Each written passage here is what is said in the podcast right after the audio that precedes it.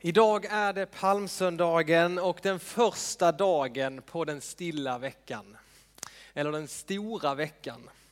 Ja, helt klart är det i alla fall den viktigaste veckan på året för oss kristna. Eh, och den viktigaste veckan i Bibeln, den får så mycket utrymme och plats i evangelierna. Det är det det handlar om denna veckan som börjar idag. Och den här veckan, vi börjar med att fira palmsöndags eh, gudstjänst och sen så kommer vi ju att fortsätta. Det finns en möjlighet för dig också att verkligen eh, ta den här veckan på allvar eh, och följa med i berättelserna. Eh, leva dig in i det som sker. Vi kommer samlas här på torsdag igen till en skärtorsdagsmässa. Och jag skulle bara så varmt rekommendera den. Eh, skärtorsdagen är nog min eh, favorit. Ja, påskdagen är, slår väl allt liksom. Men an, andra plats så är det skärtorsdagen. Alltså. Den, där händer så mycket. Det är en sån mättad dag. Och vi ska fira eh, mässa här det är ju nattvardens födelsedag. Det är dagen när Jesus instiftar nattvarden. Det är kvällen då Jesus tvättar lärjungarnas fötter. Det är kvällen då efter måltiden då han ber för lärjungarna. Han har sitt avskedstal och han ber för lärjungarna.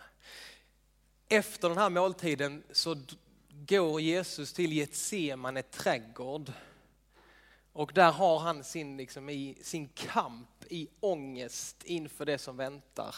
Lärjungarna får följa med på distans liksom, och får vara med och be och vaka med honom. Eh, fram tills att vakterna kommer och griper honom. På torsdag så kommer vi börja klockan sju med att fira mässa tillsammans. Och i den gudstjänsten så kommer det också finnas möjlighet att få sin, sina fötter tvättade av mig. Och när vi har firat den mässan så kommer vi gå in i kaffestugan och så kommer vi fika tillsammans under tystnad och så kommer vi få lyssna på hela Jesu avskedstal och hans förbön för oss. När vi har gjort det så kommer vi gå in här igen och så kommer vi ha en Getsemane stund då vi läser texterna, vi sjunger några sånger och vi får vaka och be tillsammans med Jesus. Det är den perfekta starten för påskhelgen som kommer. Så kom gärna på torsdag och var med. Det måste upplevas, jag säger inte mer. Men nu står vi upp och så läser vi dagens heliga evangelium ifrån Lukas 19. Efter att ha sagt detta gick han framför dem upp mot Jerusalem. När han närmade sig Betfage och Betania vid det berg som kallas Olivberget skickade han iväg två av lärjungarna och sade, gå till byn rakt framför er. När ni kommer in i den ska ni finna en ungåsna som står bunden där, en som ännu ingen har suttit på. Ta den och led hit den. Om någon frågar er varför ni tar den ska ni svara Herren behöver den. De båda lärjungarna gav sig iväg och fann allt vara som han hade sagt. När de skulle ta åsnan sade de som ägde den, varför tar ni åsnan? De svarade, Herren behöver den. Och de ledde den till Jesus och lade sina mantlar på den och hjälpte honom upp. Där han kom ridande bredde folk ut sina mantlar på vägen. Då han närmade sig staden och var på väg ner från Olivberget började hela skaran av lärjungar i sin glädje ljudligt prisa Gud för alla de underverk de hade sett. Välsignad är han som kommer, konungen i Herrens namn. Fred i himlen och ära i höjden. Några fariseer i folkmassan sade då till honom, Mästare, säg åt dina lärjungar att sluta. Han svarade, jag säger er att om de tiger kommer stenarna att ropa. Så lyder det heliga evangeliet. Lovad vare du Kristus. Varsågoda, sitt.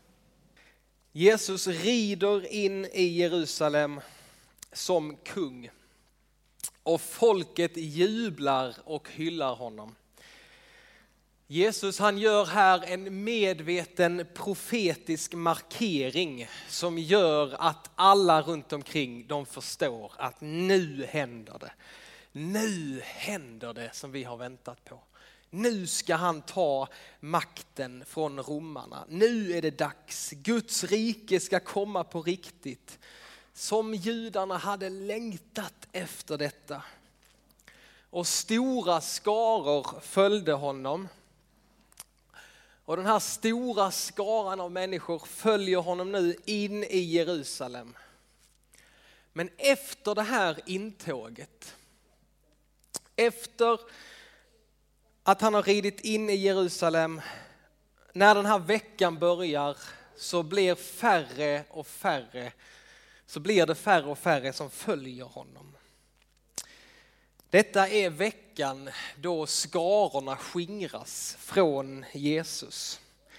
De som har satsat på Jesus och trott på honom, de förlorar hoppet. Jesu efterföljare lämnar honom en efter en. Först är det liksom den stora skaran som lämnar honom. Men sen också till slut så är han helt ensam och övergiven, också av sina närmaste. Och han står där ensam inför det som från början hade varit hans uppdrag. Att lida och dö för oss människor. Detta är något helt ofattbart. Tänk er vad när Gud själv kommer till oss människor. När kärleken själv kommer till oss. När sanningen och godheten själv kommer till oss. Då blir det så provocerande för oss människor att vi väljer att döda Gud. Detta är världshistoriens största brott som någonsin har begåtts. Det skapade väljer att döda sin skapare.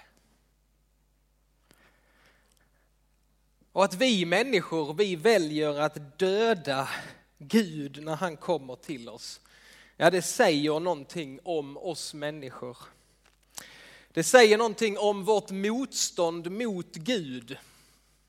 Det finns i mig, det finns i dig. Vi är lite eller ganska mycket misstänksamma mot Gud. Vi är lite rädda för honom. Vi tror inte att han är helt och hållet god och helt och hållet kärleksfull. Vi vill gärna hålla lite distans till honom. Ja, detta är veckan. Detta är veckan som avslöjar vad som finns i våra hjärtan. Och jag, på samma sätt som Oskar vädjar till er, så skulle jag också vilja vädja till er att om vi vågar på något sätt möta oss själva, om vi vågar att följa med Jesus under den här veckan, under skärtorsdagen, om vi stannar med honom i ett semane och på något sätt förstår det här att han svettades blod i ångest inför det som väntade honom. Om vi följer honom genom lidandet, genom döden, ja då kan vi också, då kommer inte bara påskdagen, åh nu är det påskdag, utan då kan faktiskt påskdagen också få bli vår oerhörda glädje när han uppstår på den morgonen. Så är du som jag att du har misslyckats med ditt upplägg av fastan, eh, så ta nya tag nu. Kom igen, nu kör vi igen. Satsa på denna veckan. Låt denna veckan få bli en vecka då du verkligen söker dig nära Gud. Låt dig drabbas av påskens berättelse än en gång. För detta är veckan som avslöjar vad som finns i våra hjärtan. En som verkligen blir avslöjad denna vecka, det är lärjungen Petrus, den store ledaren. Han som var ledare för lärjungarna och han som sa till Jesus, du om alla andra överger dig, alltså tänk om alla andra överger dig Jesus, jag kommer inte göra det. Jag kommer stå pall, jag kommer stå bredvid dig Jesus. Jag, jag, jag kommer dö för dig Jesus. Om alla andra, så inte mig.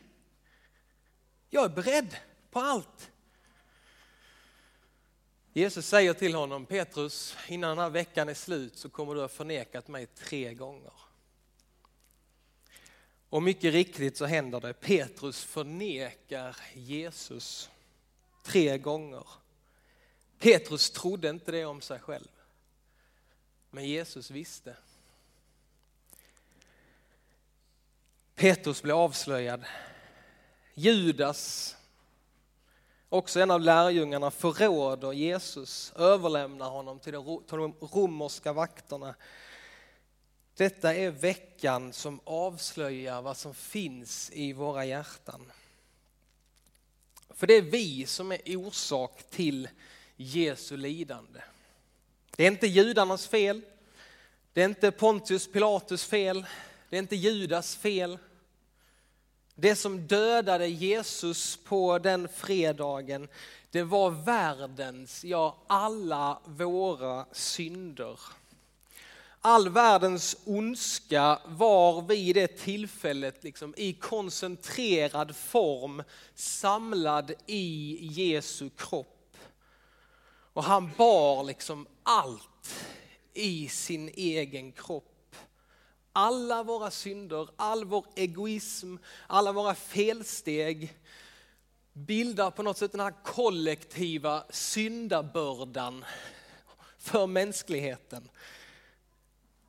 Och Jesus kom för att lyfta av den här bördan från oss människor och så lägga den på sig själv. Han gick in i vårt ställe och så tog han vårt straff. Han blev alltså hela mänsklighetens syndabock. Ni vet, det är ju populärt idag. Man utser en person eller en grupp i samhället för att vara syndabock. Och så skyller vi allt på dem. Det är deras fel att vårt samhälle ser ut som det gör. Väldigt populärt idag. De är vår syndabock. Men vet ni vad? Jesus är vår syndabock. För hela det här ursprunget, hela bilden med syndabock, det hittar vi i gamla testamentet. Det kommer därifrån. Israels folk, en gång om året så skulle översteprästen i templet ta en bock, liksom leda fram en bock och så la prästen sina händer på den här bocken och så skulle man, hela folkets synd skulle bara överlämnas på den här bocken. Och den här bocken skulle liksom bära hela folkets synd istället för människorna. Och sen skickade man ut den här bocken i öknen. Och där skulle det på något sätt, han skulle bära bort folkets synd och så var man fri från det, ja men årets synder. Och sen gjorde man samma sak nästa år, skickade ut en ny bock i öknen. Det står så här i tredje Mosebok 16, bock Bocken ska bära alla deras synder med sig ut i ödemarken och släppas lös där ute i öknen. Syndabocken hade man va. Och på samma sätt va, så läggs nu alla våra synder på Jesus som frivilligt dör för vår skull så att vi ska få leva och vara helt fria från synden och skulden.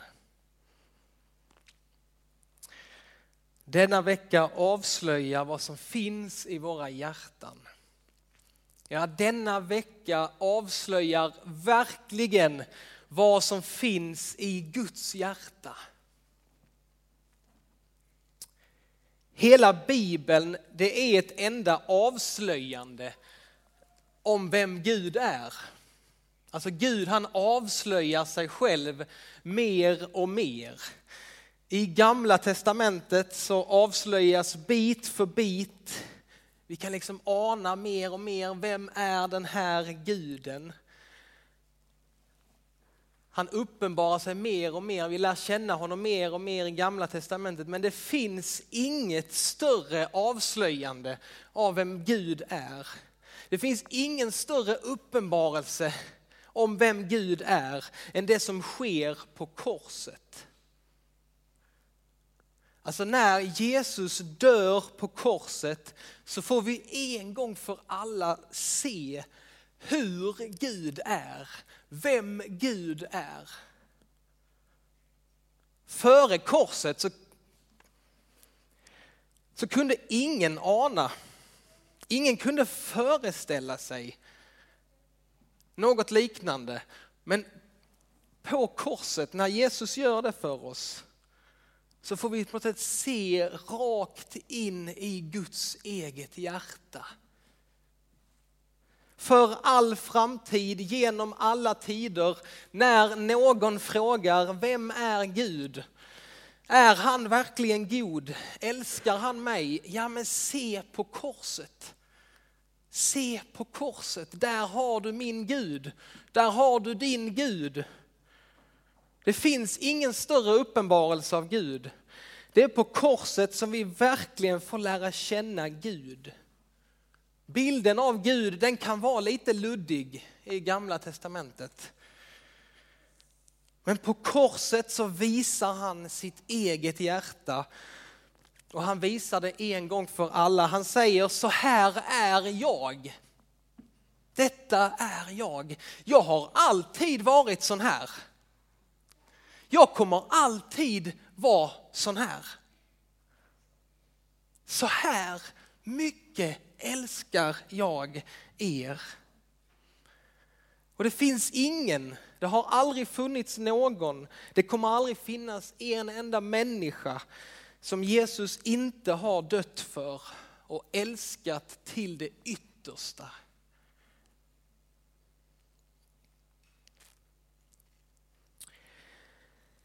Jesus dör och han läggs i graven. Och så kommer påskdagen där han besegrar döden och uppstår.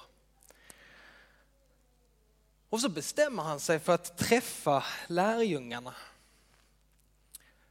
Först är det kvinnorna som får möta honom och han berättar att jag vill träffa de andra.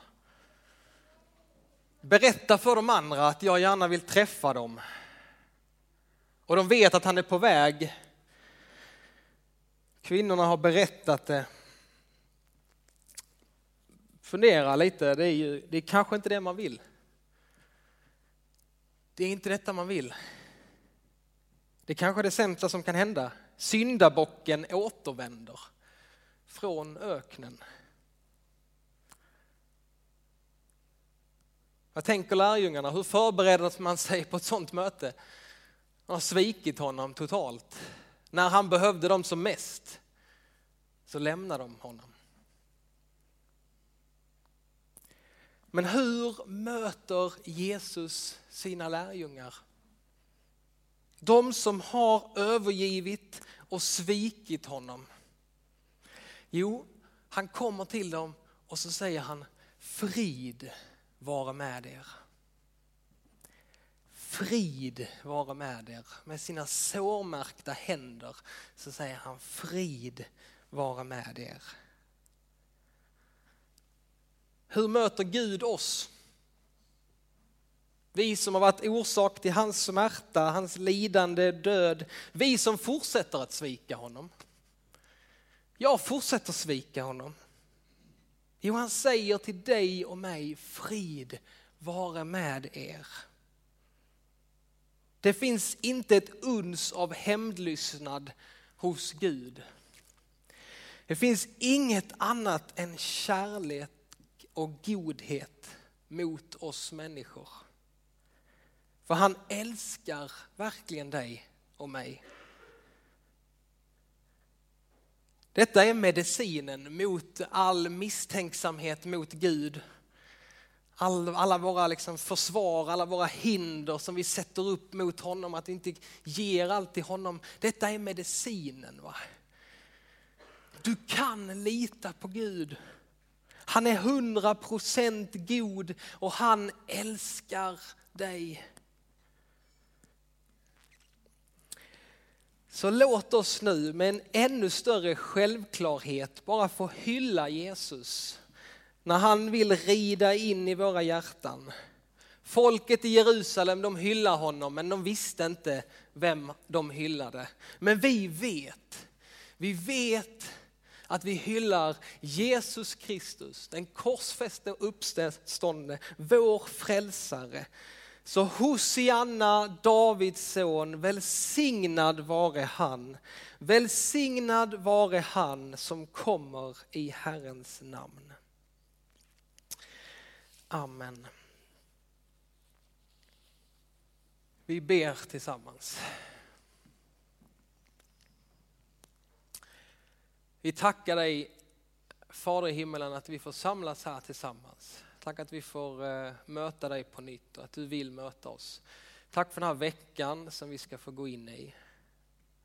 Herre hjälp oss att ta tillvara på den här veckan. Den här berättelsen som vi har hört så många gånger, låt den få bli levande för oss på nytt. Låt oss än en gång få drabbas av det som du har gjort för oss. I Jesu namn, Amen.